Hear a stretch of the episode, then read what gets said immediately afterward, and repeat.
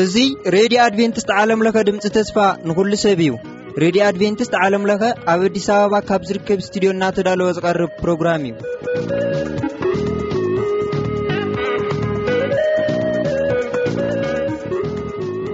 በብዘለኹም ምኾንኩም ልባውን መንፈሳውን ሰላምታና ይብጻሕኹም ንብል ካብዚ ካብ ረድዮ ኣድቨንቲስት ረድዮና። ወድኣዊ ሓቂ ዝብል ትሕዝቶ ኣቐዲምና ምሳና ጽንሑ።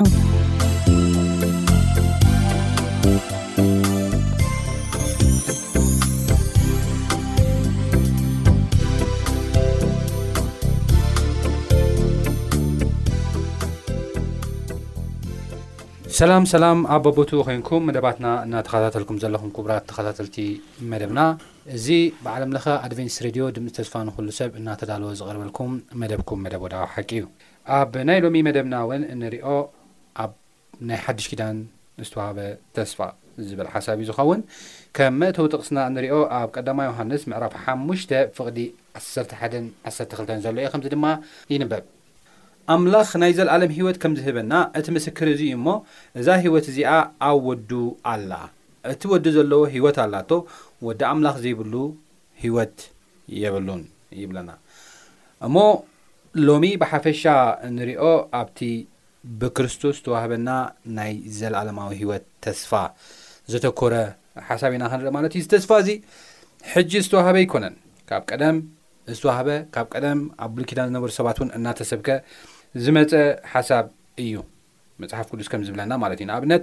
ሄኖክ ብዛዕባ ዳግም ምጻት ይሰብኽ ከም ዝነበረ መጽሓፍ ቅዱስ ዝዛረበና እዩ። ኣብ ይሁዳ ምዕራፍ ሓደ ፍቅዲ 14 ክሳብ 15 ከድና ንሪኦ ኣለዋን እብራያን ምዕራፍ 11 ፍቅዲ 39 ክሳብ 4 ድማ እቶም ብክርስቶስ ኣሚኖም ዝደቀሱ ብምልኦም እዛ ተስፋ እዚኣ ሒዞም ከም ዝደቀሱ ይዛረበና እዩ ማለት እዩ መጽሓፍ ቅዱስ ስለዚ ሎሚ እውን እዛ ተስፋ እዚኣ ንዓና ትቐርብ ከም ዘላ ሓዳሽ ተስፋ ኣይኮነትን ኣብ ብሉይ ኪዳን ኣቦታትናን ወለድናን ብምሉእ እናሰበኽሉ ዝመፁ እዛ ተስፋ እዚኣ ሎሚ እውን ትስበኽ ከም ዘላ እዩ መፅሓፍ ቅዱስ ዝዛረበና ማለት እዩ እሞ ብክርስቶስ ናይ ዘላለም ሂወት ኣሎ ብክርስቶስ ትንሳኤ ምውታን ኣሎ እሞ እዚ እዩ ክንርኢ ማለት እዩ እምበር ናብቲ ናይ መጀመርያ ሕቶይ ክኣቱ እሞ ናብ ሓፍትና ቹቹ ክኣቱ ቹቹ ናይ ክርስቶስ ትንሳኤሲ ምስቲ ናትና ትንሳኤ ኣታሓሒዙ ዘቕርቦ ነገራት ኣሎ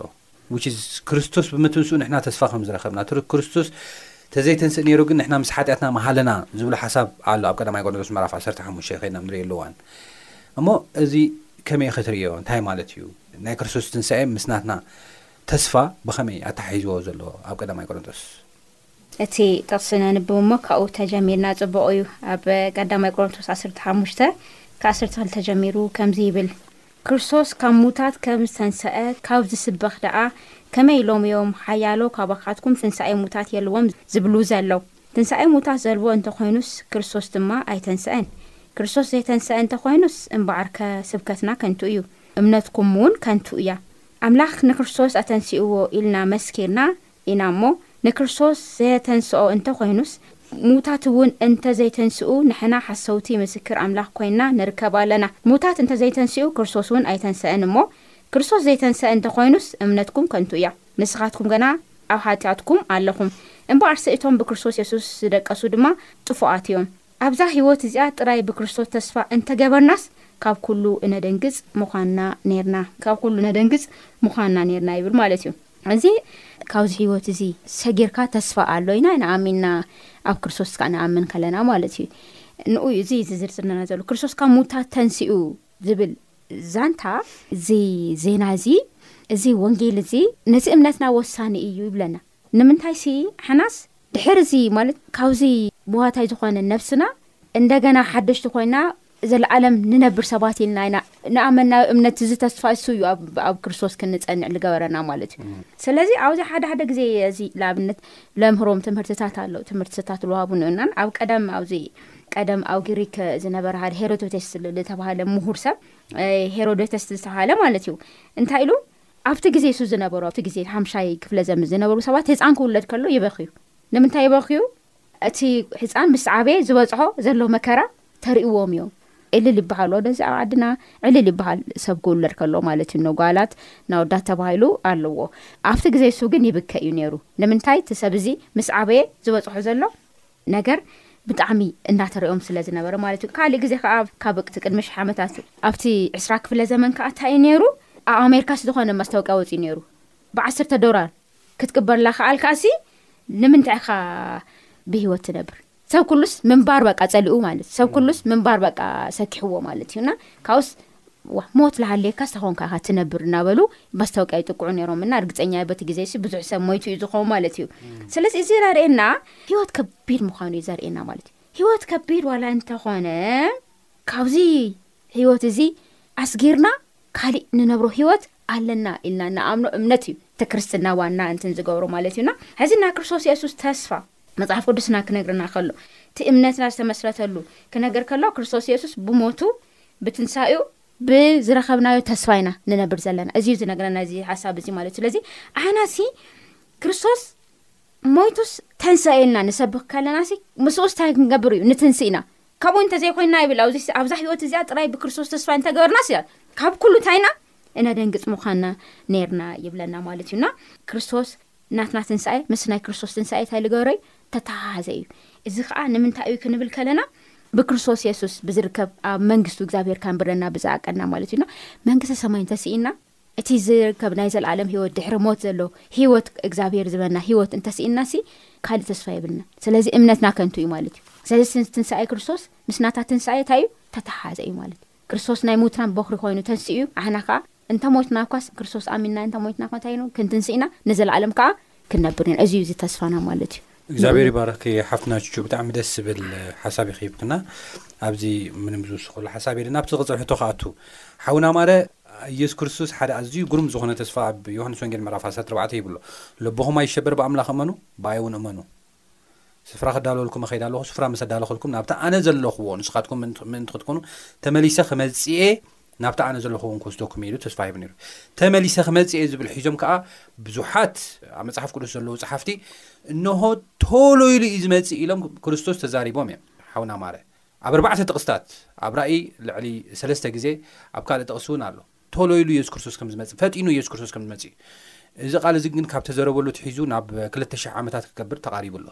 ከመይ ትርእዮ እዚ ሓሳብ እዚ ኣማረ ሓውና? ኣይደንጎየን? ቶሎ ክመጽእ ማለት እንታይ ማለት እዩ? እዚኸ ንዓና ዘምህረና ነገር እንታይ እዩ? እወ ትኽክል እዩ። ጎይታና የሱስ ክርስቶስ ናይ ተስፋ ቃል ሂቡና ኣሎ። ልብኹም ኣይሸበር፣ ብኣምላኽ እመኑ፣ ብኣይ እውን እመኑ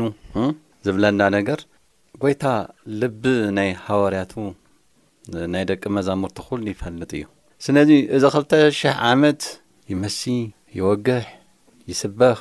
ጎይታ ኣሳብ እዚ ኣይመጸን ኣይመጸን ነዚ እውን ናይ ተስፋ ቃል ዝሃበና እንታይ ኢሉ ኣነ ክመጽ እየ ኣብ ራእይ ቁፅሪ ዕስራን ክልተን ኣብ ራእይ ዕስራን ክልተን ቁፅሪ ሸውዓተ እንሆ ቀልጢፈ እመጽ ኣለኹ እቲ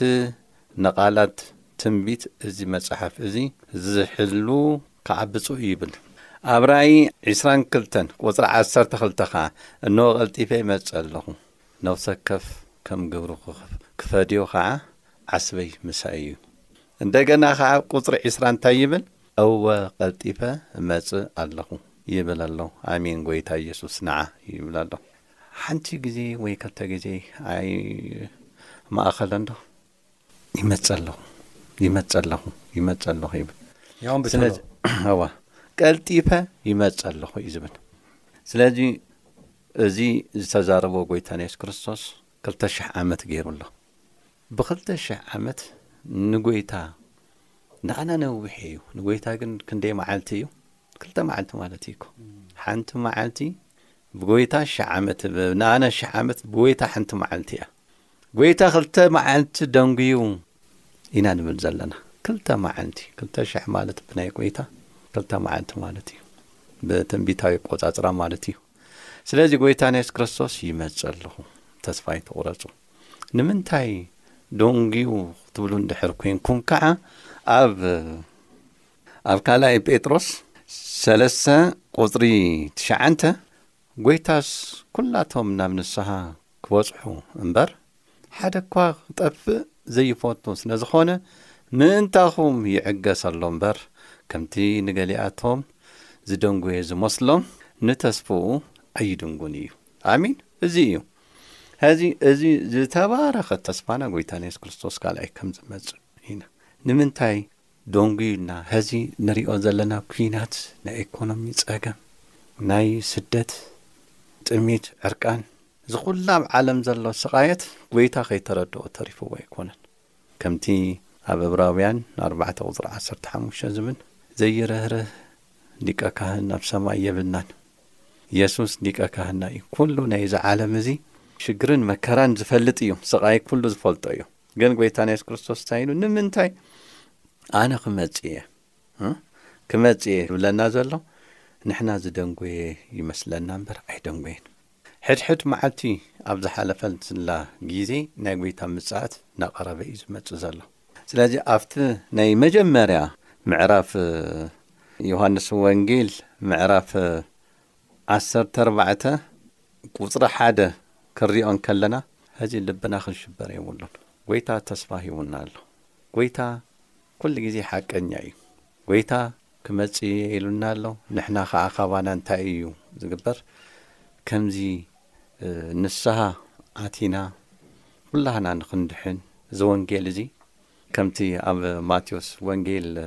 ዕስራን ኣርባዕተን ቁጽሪ ዓሰርተ ኣርባዕተ፣ እዚ ወንጌል እዚ፣ እዚ ናይ መንግስቲ ወንጌል እዚ፣ ንዓለም ኩሉ ክስበኽ እዩ፣ ደሓር ከ እንታይ ክኸውን እዩ? መወዳእታ ክኸውን እዩ ከም ዝበሎ፣ እዚ ወንጌል እዚ ንዓለም ኩሉ ክስበኽ፣ ኩሉ ዝሰምዐ ብጸጋ ብእምነት ንኽድሕን፣ ጎይታ ንሕድሕድ መዓልቲ ናይ ንስሓ ግዜ እዩ ዝህብ ዘሎ። ሓደ እኳ ክጠፍእ ኣይደልን ኣምላኽና ስለዚ እዚ እንሪኦ ዘለና ሀዚ ከምዚ ዝሞተ ሰብ ዘዕረፈ ሰብ ምንም ነገር ከም ዘይፈልጥ ደሓር ተንስኡ ተባሂሉ ከም ንትንስእ ብትንሳኤ ማለት እዩ እዚ ሽሕ ዓመት ሰለስተ ሽሕን ሓሙሽተ ሚእትን ዓመት ካብ ዝመቡት ኣብርሃምን ትማሊ ሓሙሽተ ወርሑ ዝገበረ ሰብኣይ ብሓደ ክለዓሉ እዮም። ንስኻ ደንጉዩ ኣነ ቡዙሕ ደንጉየ ደንጉዩ ጎይታ ዝባሃሉ ነገር የለን ብቅጽበት ዝኸውን ነገር እዩ ስለዚ ጎይታና የሱስ ክርስቶስ ከምዚ ዝበለና እዚ ተስፋ እዚ እዚ ወንጌል እዚ ንዓለም እዚ ተሰቢኹ መወዳእታ ሳብ ዝኸውን ንኹሉ ሰብ ንኽድሕን እዩ ስለዚ ሎሚ ክንሰምዕ እንከለና ልብና ይሸበር ብጎይታ ክንኣምን ይግበእና ኣብ ቤት ኣቦይ ቡዙሕ መሕደር ኣሎ። እንተዘይህሉ ምበልኩኹም ነይረ ስፍራ ክዳልወልኩም ክኸይድ ኣለኹ ኢሉ ንኣና ጥቕሚ እዩ ስለዚ ከይደ ስፍራ ምስ ኣዳለኹልኩም ኣብታ ኣነ ዘለኹዋ ንስኻትኩም እውን ኣብኣ ምእንቲ ክትኾኑ ተመሊሰ ክመጽእ እየ እሞ ክወስደኩም እየ ስለዚ ናይ ክርስቶስ ናይ ክርስቶስ ምጽኣት እቲ ዝተባረኸ ተስፋና እዩ ስለዚ ኩላህና ንስሃ ንእቶ ጎይታ ምእንቲ ተስፋ ቃሉ ኣይዱንክ። እግዚኣብሔር ይባርኽካ ኣማረ ሓወይ ብጣዕሚ ደስ ዝብል ሓሳብ እዩ ናይ ክርስቶስ ምጽኣት ኣርባዕተ ግዜ ቶሎ ክመጽእ እየ ምባሉ ርግጸኝነቱ እዩ ዝዛረበና ርግጽ እዩ ክመጽእ እዩ ብርግጽ ክመጽእ እዩ እናበለና እዩ ዘሎ ብቶሎ ክብል ከሎ ከዓ እወ ብቶሎ እዩ ክመጽእ ሕጂ እውን ነደንጉዮ ዘለና ንሱ ዘይኮነ ንሕና ኢና ካብዘይ ምድላውና ዝተላዕለ እቲ ዝተዳለወ ዝተኸፍለ ዋጋ ከንቱ ንኸይተርፍ ተባሂሉ ንሕና ኢና ደነጉዮ ዘለና እዩ ዝብለና መጽሓፍ ቅዱስ ኣብ ካልኣይ ጴጥሮስ ምዕራፍ ሰለስተ ፍቕዲ ትሽዓተ። ናብ ዝቕጽል ሕቶ ክኣቱ ሓፍትና ቹቹ ኣብ ዮሃንስ ወንጌል ምዕራፍ ሽዱሽተ ኢና ሕጂ ከኣ ክንከይድ ዮሃንስ ወንጌል ምዕራፍ ሽዱሽተ ኢየሱስ ክርስቶስ ሓደ ዓቢ ዝተዛረቦ ነገር ኣሎ ንወዲ ርኡ ብኣይ ዝኣምን ዘበለ ናይ ዘላለም ህይወት ክረክብ እዩ ኣነ እውን በታ ዳሕረይቲ መዓልቲ ከተንስኦ እየ ይብል እሞ ኣብዚ ሓሳብ እዚ ናይ ዘልኣለም ህይወት ምስ ናይ መወዳእታ ትንሳኤ ኣተሓሒዙ ከቕርቦ ከሎ ኢና ንርኢ እዚ እንታይ ማለት እዩ? ክርስቶስ የሱስ እንግዲ ኣብ ህይወትን ኣብ ሞትን ስልጣን ዘለዎ ኣምላኽ ከም ዝኾነ ብዝሓለፈ ንርኢ ጸኒሕና እና ተኣምራት ገይሩ እዩ ንኣብነት እዚ ሓሙሽተ ሽሕ ሰብ ንእሽተን ዓሳን ብንእሽተን ዳቦን ገይሩ እንታይ ገይሩ እዩ? መጊቡ እዩ። ኣብቲ ጀልባ ኮይኖም ናብ ማዕዶ ባሕሪ ክኸሪ ከሎ እቲ ማዕበል ጸጥ ክብል ገይሩ ከም ዝኾነ ንርኢ ማለት እዩ። ከምኡ ከኣ ናይ ሕይወት እንጀራ ኣነ እየ ኢሉ ክሰብኽ ነይርዎዶ? እንጀራ ሕይወት ኣነ እየ እናበለ ናይ ዘለኣለም ሕይወት ኣነ ከም ዝኾንኩ ሰብ ብእንጀራ ጥራሕ ከም ዘይነብር ይዛረብ ነይሩ ክርስቶስ የሱስ። እና የሱስ ሰዚ ናይ ዘለኣለም ሕይወት ስጦታ ወይ ከኣ ከም ውህብቶ ገይሩ ክህበና ከሎ ምስ ናይ ጻድቃን ናይ መጨረሻ ትንሳኤ ኣታሒዙ እዩ እዚ ነገር እዚ ዝነግረና ዘሎ ማለት እዩ። ስለዚ ኢየሱስ ኣብዚ ስብከት እዚ ኣብዚ ዮሐንስ ሽዱሽተ ዕስራን ሽዱሽተን ጀሚሩ ኣብ ዘሎ ስብከት ሰለስተ መሰረታዊ ዝኾኑ ነገራት ይነግረና ኣብዚ ማለት እቲ ሓደ እሱ ባዕሉ ካብ ሰማይ ዝወረደ እንጀራ ከም ዝኾነ ይነግረና። ኣብ ዮሐንስ ሽዱሽተ ሰላሳን ሰለስተን እሱ ባዕሉ ካብ ሰማይ ዝወረድኩ እንጀራ ኣነ እየ ይብለና። ሽዑ የሱስ እቲ ካብ ሰማይ ዚውርድ ንዓለምውን ህይወት ዚህብ ናይ ኣምላኽ እንጀራ እየ እሞ፣ ነቲ እንጀራ ሓቂ ካብ ሰማይ ዚህበኩም ኣቦይ እምበር፣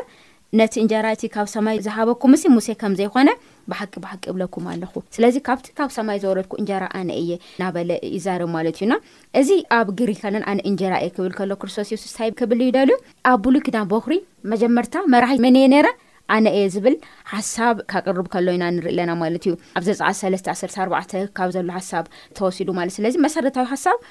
ናይ ብሉይ ክዳን ይኹን ኣብቲ ብሉይ ክዳን ተነገረ ኩሉ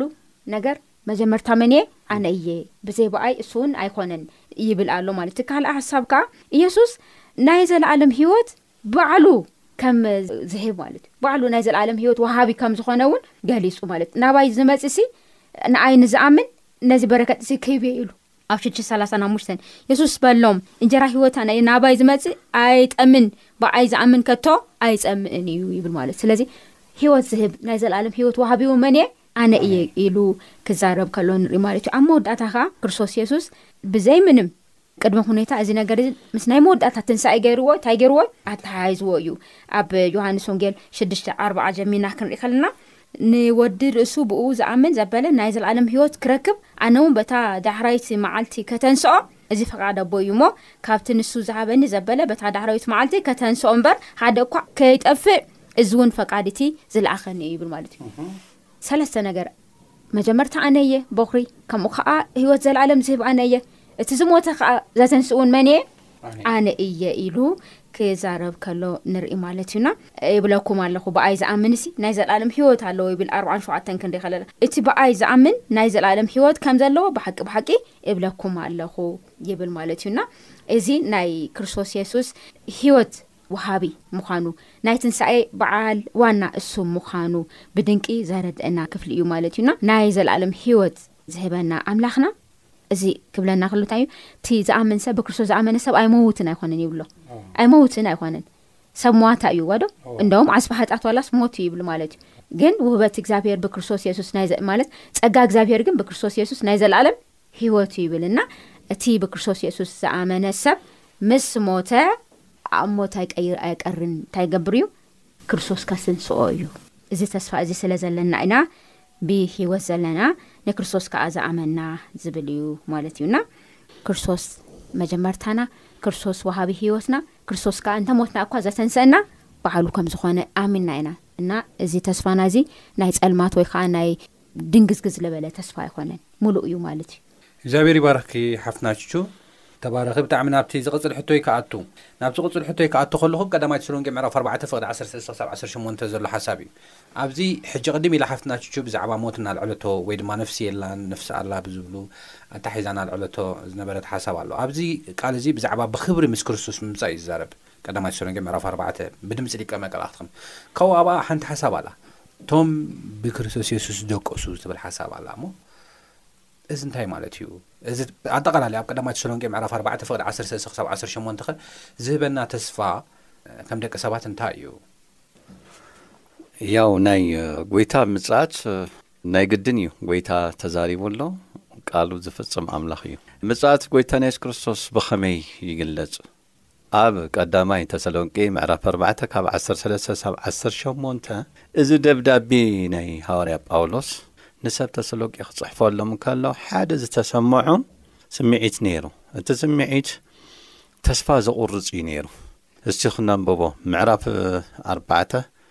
ቁጽሪ ዓሰርተ ሰለስተ ግናኸ ኣሕዋተይይ ከምቶም ተስፋ ዘይብሎም ካልኦት ምእንቲ ከይትሓዝኑ ብዛዕባ ቶም ደቂሶም ዘለዉ ብዘይ ፍልጠት ክትኮኑ ኣይፈቱን እየ ማለት ይብል ዓሰርተ ኣርባዕተ የሱስ ከም ዝሞተን ከም ዝተንሰእን ኣሚንና እንተ ኮይንና ከምኡ ውን ኣምላኽ ነቶም ብየሱስ ዝደቀሱ ምስኡ ከምጽኦም እዩ። ሰብ ተሰሎንቄ እቶም ብጐይታ ዝዓረፉስ ትንሳኤ ከም ዝረኽቡ ይኣምኑ እዮም ነይሮም። እቶም ብህይወት ዘለዉ ግን እንታይ እዮም ዝዀኑ? በቃ ንሕና ናይ ትንሳኤ ክፋል የብልናን ዝብል ስምዒት ነይርዎም። ሕጂ እዚ ንምስትኽኻል እዚ ናታቶም እቲ መጽሓፍ ቅዱሳዊ ዘይኰነ ኣተሓሳስባ ከይሓስቡ ብመንፈስ ቅዱስ ጳውሎስ ተመሊኡ፣ እዚ ዘጽናዕንዕ ቓል ክጽሕፈሎም ንርኢ ኢና። ስለዚ ቁጽሪ ዓሰርተ ሓሙሽተ ንሕና ክሳዕ ምጽኣት ጎይታ ብህይወት እንጸንሕ ከኣ ነቶም ዝደቀሱን ከቶ ከምዘይንቕድሞም እዚ ብቓል ጎይታ ንብለኩም ኣለና። ጐይታ ባዕሉ ብናይ ትእዛዝ ጭደራታትን ብድምጺ ሊቀ መላእክትን ብመላእክትን ብኣምላኽ ካብ ሰማይ ክወርድ እዩ። እቶም ብክርስቶስ ዝሞቱ ቀዲሞም ክትንስኡ እዮም። ድሕርዚ ንሕና ብህይወት ጸኒሕና ዘሎና ንምቕባል ጐይታ ኣብ ኣየር ምስኣቶም ሓቢርና ብደበና ክንለዓል ኢና ከምኡ እውን ንሓዋሩ ምስ ጐይታ ክንነብር ኢና። ደጊም በዘን ቃላት እዚኤን። ንሕድሕድኹም ተጸናንዑ ይብል። ሰብ ተሰሎንቄ እቲ ስምዒቶም ሃዋርያ ጳውሎስ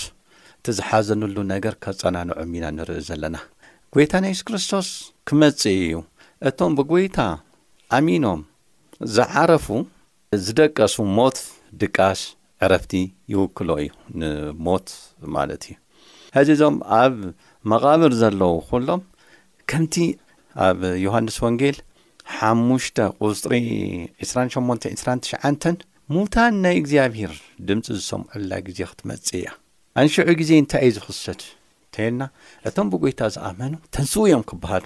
ትንስኡ እዮም እቶም ብህይወት ዘለዉ ኸዓ ክልቴና ኮይና ናበይና ንኸይድ ንጐይታ ብኣየር ብደመና ክንቀበሎ ንኸይድ ኢና ስለዚ ጳውሎስ እንታይ እዩ ከስምረላ ዝደለየ እቶም ብጸጋ ብእምነት ክርስቶስ ኢየሱስ ወዲ ልኡል እግዚኣብሔር ምዃኑ ብክርስቶስ ኢየሱስ ዝኣምኑን ንስሓ ኣትዮም ናይ ሓጢኣት ስርየት ረኺቦም ብስሙ ተጠሚቖም ናይ መንፈስ ቅዱስ ውህብቶ ተቐቢሎም እዚኦም ዝደቀሱን እቶም ዝዓረፉ ወይ ከዓ ናብቲ ትኽክለኛ ቃል ብቓል ክንጠቕሶ እንከለና ዝሞቱ እዚኦም ተስፋ ኣለዎም እዩ ስለዚ ከይትጉህዩ ኢኹም በዚ ተጸናንዑ ንሕና ንሕና ንሳቶምን ብሓደ ኮይንና ጎይታ ክንቅበል ክንከይድ ኢና ናብ ኣየር ክንከይድ ንዘለኣለም ከዓ ምስኡ ክንነብር ኢና በዚ ተስፋ እዚ ተጸናንዑ ይብል ሃዋርያ ጳውሎስ። ስለዚ እታ ቀንዲ ኣብዚ ዘላ ክንጸናናዕ ዝገባ ሙታን ሞይቶም መይተርፉን ብህይወት ዘላና እውን ብክርስቶስ ዝኣመነ ኩሉ ናይ ዘላለም ህይወት ክረክብ ጎይታና የሱስ ክርስቶስ ባዓሉ ብመላእኽቲ ተዓጂቡ ብጭደራታትን ብድምጺ ሊቀ መላእኽትን ክመጽእ እዩ። ስለዚ እዚ እዩ ናህና ዝተባረኸ ተስፋ ንብሎ ምጽኣት ጎይታና የሱስ ክርስቶስ እዩ። ጎይታ ይባርኽካ ብጣዕሚ ደስ ዝብል ሓሳብ ኢኻ ሂብካና ኣማረ ሓወይ ምስቲ ዘለና ሰዓት ናብቲ ናይ መወዳእታ ሕቶይ ከላግስ እሞ እንሆ ምስጢር እነግረኩም ኣለኹ ይብል ጳውሎስ ኣብ ቀዳማይ ቆሮንቶስ ምዕራፍ ዓሰርተ ሓሙሽተ ኬድና ክንርኢ ከለና እንታይ እዩ እቲ ምስጢር ጳውሎስ ንሰብ ቆሮንቶስ ክዛረቦም ዝደለየ ሓፍትና ጅጁ ኩላትና ክንልወጥ እምበር ኩላትና ኣይክንድቅስን ኢና። ብሓንሳዕ ብቅጽበት ዓይኒ በቲ ናይ ድሕሪ ኩሉ መለኸት እቲ መለኸት ክንፋሕ እዩ እሞ እቶም ሙዉታት ድማ ብዘይሓልፍ ክትንስኡ እዮም። ንሕና እውን ክንልወጥ ኢና። ማለት እዚ ሓላፊ ዘይሓልፍ ክለብስ ይግብኦ እዩ እሞ እዚ መዋቲ ከኣ ዘይመዉት ክለብስ እዩ። እዚ ሓላፊ ዘይሓልፍ ምስ ለበሰ እዚ መዋቲ እውን ዘይመዉት ምስ ለበሰ ሽዑ እቲ ጽሑፍ ሞት ብዓወት ተዋሓጠ ዝብሎ ቃል ክፍጸም እዩ። ዎ ሞት ኣበይ ኣሎ ብልሒኻ? ኣታ ሲኦል ኣበይ ኣሎ ዓወትካ? ብልሕ ሞት ሓጢኣት እዩ። ሓይሊ ሓጢኣት እውን ሕጊ እዩ። ግናኸ እቲ ብጎይታና የሱስ ክርስቶስ ገይሩ ዓወት ዝህበና ኣምላኽ ስብሓት ይኹኖ። ስለዚ ፍቁራት ኣሓዋተየ ጻዕርኹም ብጎይታ ከንቱ ከምዘይኮነ ፈልጥኩም ብዕዮ ጎይታ ጽኑዓት ዘይትነቓነቑ ኩሉ ግዜ ዕዙዛት ኩኑ ይብል። እዚ እዚ ምስጢር እንታይ እዩ ክንብል ከለና ምስጢር በዓሉ ይገልጸና እዩ እነሆ ሓደ ምስጢር እነግረኩም እየ ኢሉስ እንታይ ይብል ኩላትና ክንልወጥ ኢና። ስለዚ ብህይወት ከለው ጎይታና መድሃኒያ የሱስ ክርስቶስ ብዓይኒ ዝርእዩ ኣለው ይብለና ኣሎ። ምናልባት ጳውሎስ ኣብዚ ብጣዕሚ ዝገርመካ ነገር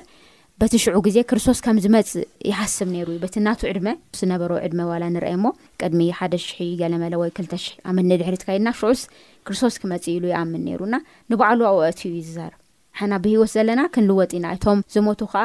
ቅድሚኡ ዝሞቱ ጻድቃናት ብምሉኡ ይጠቅስ እሞ እንታይ ይገብር ክትስኡ እዮም፣ ካብኡ ብሓንሳብ ኮይና ክንካይድ ኢና ይብል ማለት እዩ። ስለዚ ኣብዚ ሓደ ምስጢር ዝብል ዘሎ ብህይወት ከሎ ንጎይታ ዝርእዩ ሰባት እንታይ ክኾኑ እዮም ኣብኡ ከለው እዮም ክልወጡ ማለት እዩ። ኣብኡ ከሎ እዩ እቲ ክልወጡ ማለት ኩሉ ነገር ምስጢር እዩ ባይዘወይ ከመይ ኢና ንልወጥ ኣይንፈልጦን እዚ ነገር ከመይ ኢና ናብ ሰማይ ንክድ ኣይንፈልጦን ኣክናፍ ድዩ ክገብረና እግዚኣብሄር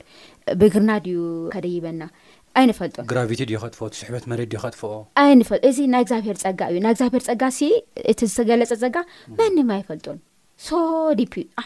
ዓሙቅ እዩ ማለት እዩ ንታሕቲ እዩ ንላዕሊ ዋላ ሰፊሕ እኒኦ ሓደ መዝሙር ወዶ ፍቅሪ እግዚኣብሄር ፀጋ እግዚኣብሄር ሲ ካየናይ ናብ ኣየናይ እዩ ዝብል ኣይንርድኦ ንዓና ሓደ ነገር ግን ፅሑፉ እዩ ዓይና ብሂወት ዘለና እንታይ ኮንኳውን ኢና ክንልወጥ እዩ ይብል ማለት እዩ ምናልባት ዓይና ሕዚ ዘለና ክርስቶስ የሱስ ተመፅኡ ብሂወት ኣምፅከልና ተሊና እንታይ ኮንካውን ኢና ክንልወጥ ኢና ማለት እዩ እቶም ብክርስቶስ የሱስ ዝደቀሱ ከዓ ተለዊጦም እንደገና ክትንስኡ እዮም ግን ንኦም ኣይንቅድም ይብለና መጀመርያ ታይ ሙታት እዮም ክትንስኡ ማለት እዞም ብክርስቶስ የሱስ ዝደቀሱ ዘይመውት ኣካል ለቢሶም ታይ ክገብሩ እዮም ክትንስኡ እዮም ኣሕና ከዓ ብሂወት ዘለና ክንልወጥ ኢና ብሓባር ከዓ ታይ ክንከውን ኢና ናብ ክርስቶስ ባህባር ንኡ ምስኡ ክንነብር ከም ንኸይድ እዩ ስለዚ እዚ ዝሓልፍ እዚ ዝመውት ነገርና ዘይመውት ክኸውን እዩ እቲ ዝሓልፍ ዘይሓልፍ ክወስድ ማለት እዩ እቲ መዋቲ ዘይመዋቲ ክለብስ ይግብኦ እዚ ምስ ኮነ ከኣ እንታይ ንብል ወ ሞት ኣበይ ኣሎ ብልሒካ ወ ሲኦል ኣበይ ኣሎ ዓወትካ ምክንያቱም ሎሚ እቲ ብልሒ ኮይኑ እንዮ እቲ ዓወት ኣብ ሰብ ዝረክብ ዘሎ መን እዩ ሞት እዩ ሽዑ ግን እዚ ተስፋ እዚ ተዋሂቡና እዩ እና ዘለኣለማዊ ዝኾነ ኣፖይንትመንት ወይ ከዓ ቀጠሮ ምስ ክርስቶስ የሱስ ኣለና ሃና እቲ ቀጠሮ እሱ ከዓ እንታይ ዓይነት ቀጠሮ እዩ ሞት ተዓዊቱ ኣብ ሞት ዓወት ገይሩ ካብኡ ከኣ ንዘልኣለም ከንብረና ናብ ቤቱ ዝወስደና ከም ዝኾነ ንርኢ ማለት እዩ። ሓደ ሓደ ግዜ ግን ገለ ገለ ሰባት እንታይ ይብሉ እዚ ምስጢር እዚሲ ስዉር። ንጥቀት ይብልዎ ሰብ ብስዉር እንታይ ይገብር እዩ ክንጠቅ እዩ እሎም ለምህሩ እነዉ ቅድሚ ክርስቶስ የሱስ ምምጽኡ ቅድሚ ሸውዓተ ዓመት እንታይ ክኾን እዩ ስዉር ምንጣቅ ይህሉ እቲ ስዉር ትለዓሎ ነገር እንታይ እዩ ይብሉካ በቃ ብክርስቶስ ተዳሊካ ምናምን ኣልኻናስ ሓደ ሓደ ሰብ ኣዚስ ኣውቲስታ ኮይኑ መኪና ላዘወረሲ ይውሰድ ይውሰድ እሞ እቲ መኪናስ ኣምዚ ፊልም እኒኦ ልኾነ ፊልም ይርኤና ሰብ ስስ ታክሲ በዓል ታክሲ እኒኦ ንበል ብእንግሊዝኛ ሰክረት ራፕቸር ንብሎ ማለት እዩ ሰክሬት ራፕቸር እዚ ብስውር በቃ ክርስቶስ ነቶም ፃድቃናት ላልዕለ ይወስዶም እሞ ኣብ ክልተስ ኣንሽቲ ኣብ ኮቁጣ እየን ዝሓንቲ ትውሰድያ ዝሓንቲ ትቐርያ ገለ ኣብ ዓራት ክድቅሰዮም ሓደ ክውሰድ ልብል ይወስዱ እሞ እዚ ናይ ስሕተት ትምህርቲ ክሰፍሕ ተገይሩ ካብኡ ብዙሕ ሰብ ከኣ በዚ ስሕተት ትምህርቲ እዩ ዘሎ ማለት እዩ ግን እሱ ኣይኾነን ዝብለና ዘሎ እዚ ቃል ኣምላኽ እዚ ምስጢር እዚ ዝብለና ዘሎ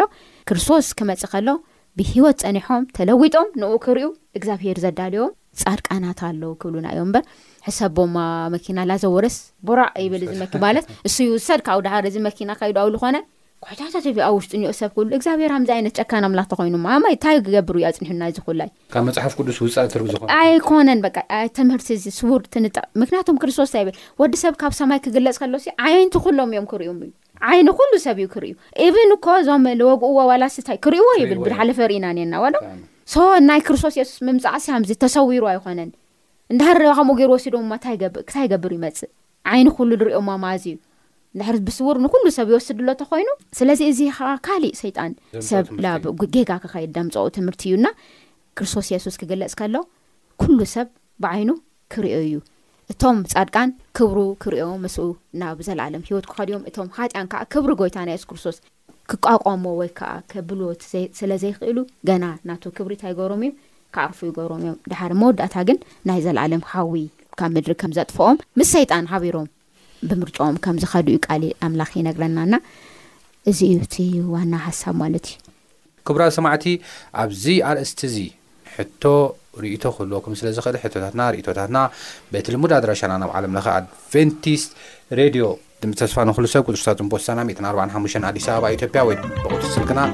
0901747996 ከምኡ ውን ብናይ ሞባይል ቁፅርና እንደገና ብ0921884912 ወይ ድማ ብናይ ኢሜይል ኣድራሻና ቲኣይ ሶም ጂሜል ዶት ኮም